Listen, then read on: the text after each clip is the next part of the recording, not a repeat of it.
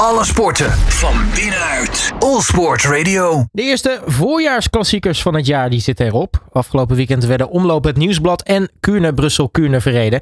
En daarin liet team Jumbo-Visma zien weer in goede vorm te verkeren door beide koersen te winnen. Zo won onze landgenoot Dylan van Baarle solo de omloop en was de Belg Ties Benoot de beste van vijf vluchters in eh, Kuurne-Brussel-Kuurne. Ik ga erover in gesprek met uh, wielerjournalist Daan van den Berg. Daan, hele goedemiddag. Goedemiddag. Heb jij een beetje genoten van uh, afgelopen weekend? Nou ja, ik heb bier gedronken en friet gegeten. Dus dan weet je dat het uh, voorjaar weer begonnen is. Dat het openingsweekend is geweest. Dus uh, ja, dat kun je wel zeggen. Ik heb ontzettend genoten van twee, twee mooie wedstrijden. Hoe was het daar allereerst in, in België? Nou, het was dus één groot feest. En dat is eigenlijk uh, wat we wel gewend zijn de laatste jaren. Het lijkt net alsof het wielrennen steeds populairder wordt. Het wordt steeds drukker, steeds meer mensen. De start van Omloop het Nieuwsblad was in Keupke. Dat is uh, ja, de wielerbaan van Gent, waar elk jaar de Zesdaagse van Gent wordt verreden. Die is in november, dat is natuurlijk het baanwielrennen. Maar dan een paar maanden later Eind februari is het uh, opnieuw feest. Er is een hele oude loods daar, een hele grote loods. Daar staan alle bussen in van de ploegen, alle teambussen. En dan is de presentatie is echt uh, op, het, uh, op het wielerbaantje, want het is een heel klein baantje daar. Maar het stond helemaal vol met mensen. Niet alleen bij de start, ook bij de finish. En zelfs onderweg stonden er op de kasseienstroken en de klimmetjes aardig wat volk. Het blijft natuurlijk een fantastische koers, omloop het nieuwsblad. Ja, UCI World Tour niveau natuurlijk. Dan weet je dat het een, een interessante strijd gaat worden, aangezien nou, normaal gesproken de, de allesvreters in de, in de klassiekers, de Mathieu van der Poels van, van deze wereld, er, er niet bij zijn. Ja, dan moet iemand anders het doen. En dan is het wel weer leuk dat het uitgerekend een Nederlander wordt.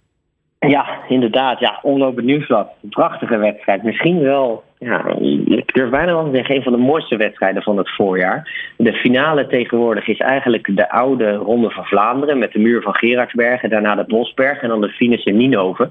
En het is inderdaad wel een wedstrijd die ontzettend mooi is, maar de laatste jaren ook qua deelnemers altijd wel een beetje ja, een probleem heeft. Of nou ja, probleem is misschien uh, te negatief. Want zoals je al zegt, Wout van Aert, Mathieu van der Poel, die waren er allebei niet bij hadden natuurlijk eh, een paar weken geleden nog het WK veldrijden gereden. Dus het is ook niet zo gek dat ze deze wedstrijd overslaan.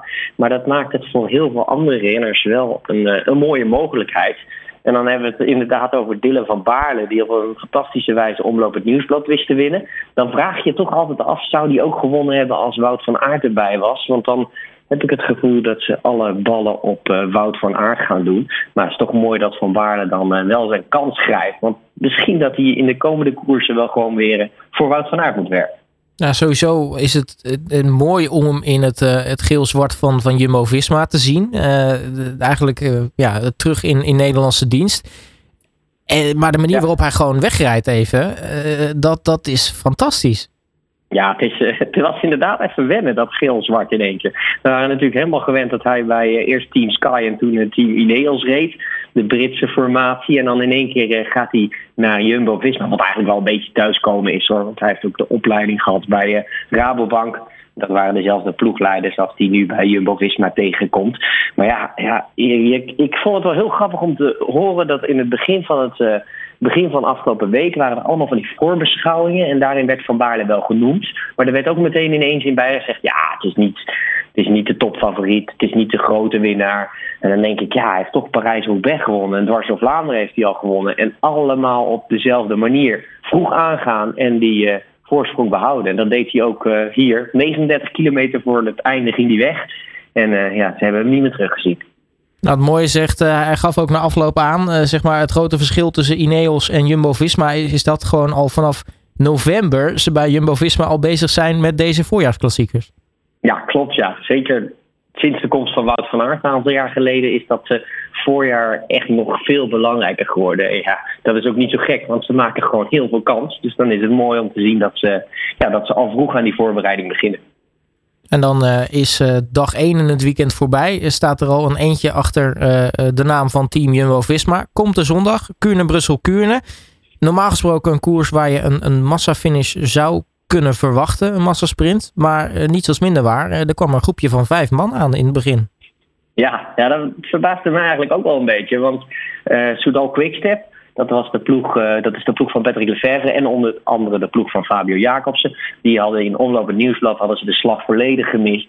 En wat je dan wel vaak ziet de afgelopen jaren is dat ze in Kuurne, Brussel, Kuurne alles goed maken.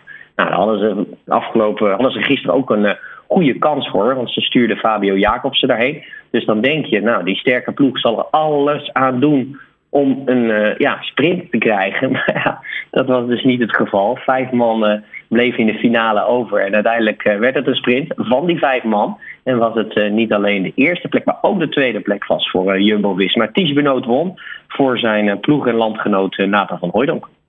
En dan is het uh, dubbelfeest uh, voor, uh, voor Jumbo-Visma. die trouwens sowieso lekker bezig zijn de afgelopen weken.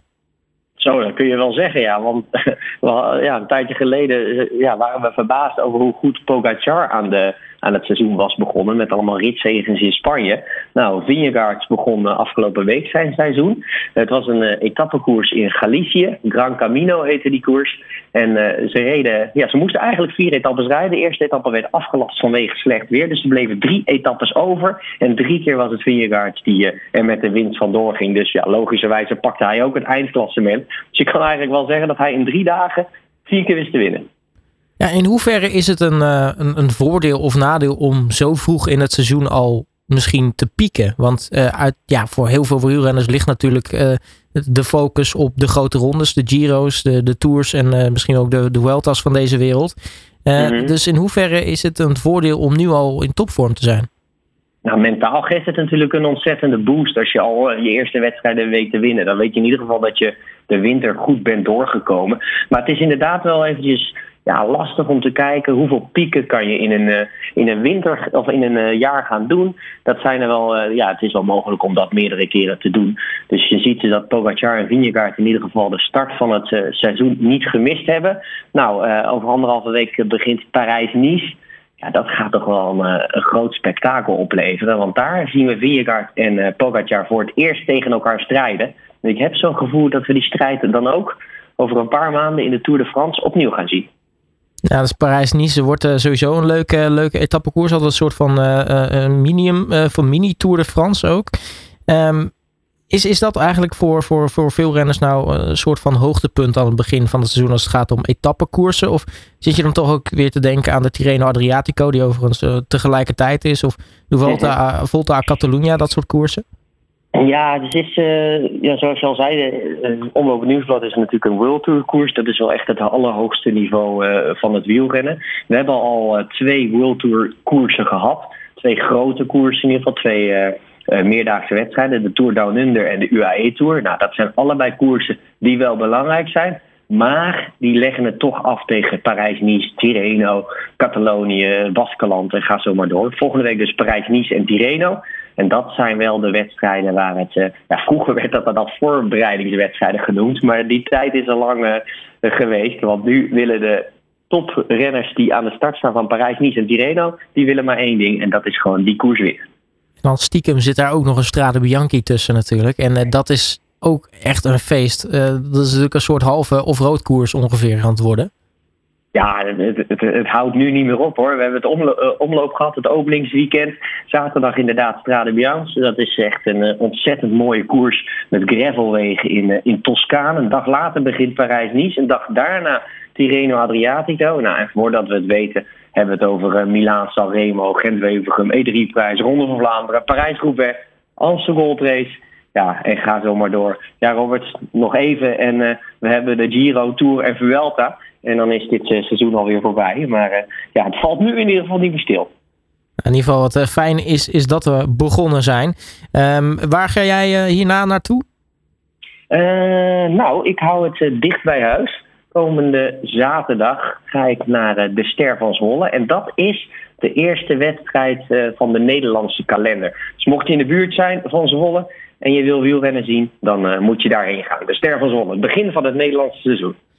Daan van den Berg mag je hartelijk danken voor je tijd en spreek je natuurlijk snel weer. Dankjewel. Alle sporten van binnenuit. All Sport Radio.